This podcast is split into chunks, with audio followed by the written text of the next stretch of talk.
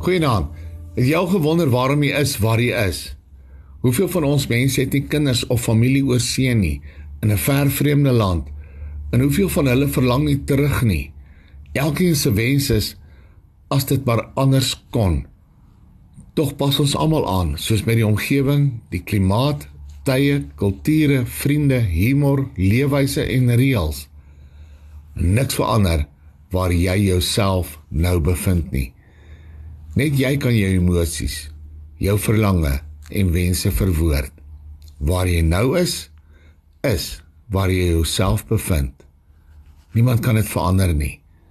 Woorde van vaderland en moeder aarde of moedertaal en familie voel dalk vir jou soos 'n sug in die wind. Moet asseblief nie dink dat jy jouself in 'n tronk bevind nie. In Matteus 10 stuur Jesus 12 apostels uit na die wêreld daar buite en dan sê hy: "Onthou ek stuur julle soos skape tussen wolwe in. Wees dus versigtig soos slange en opreg soos duwe."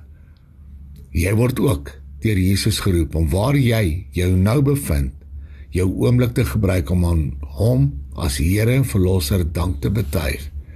En wanneer jy die antwoord soek op waarom jy is, waar jy is, dan hoor ons weer sy woorde dat hy jou gestuur het.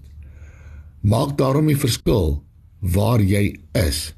Want hy sê in verse 26 en 27: "Maar is nie vir mense bang wees nie.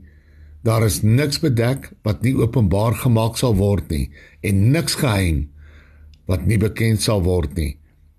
Wat ek vir julle in die donker sê, moet julle in die daglig sê en wat in julle oor gefluister word, moet julle van die dakke af uitpas syn.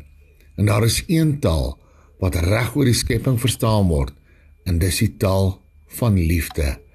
Jy sê dit met jou oë, jou glimlag, jou houding, jou aanvaarding met woord en daad.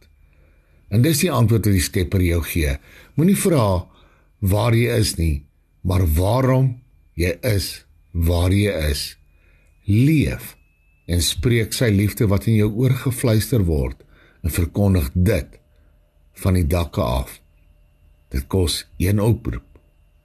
Een wat sê: Lief vir jou. Mis vir jou. Amen. Nag sê Here.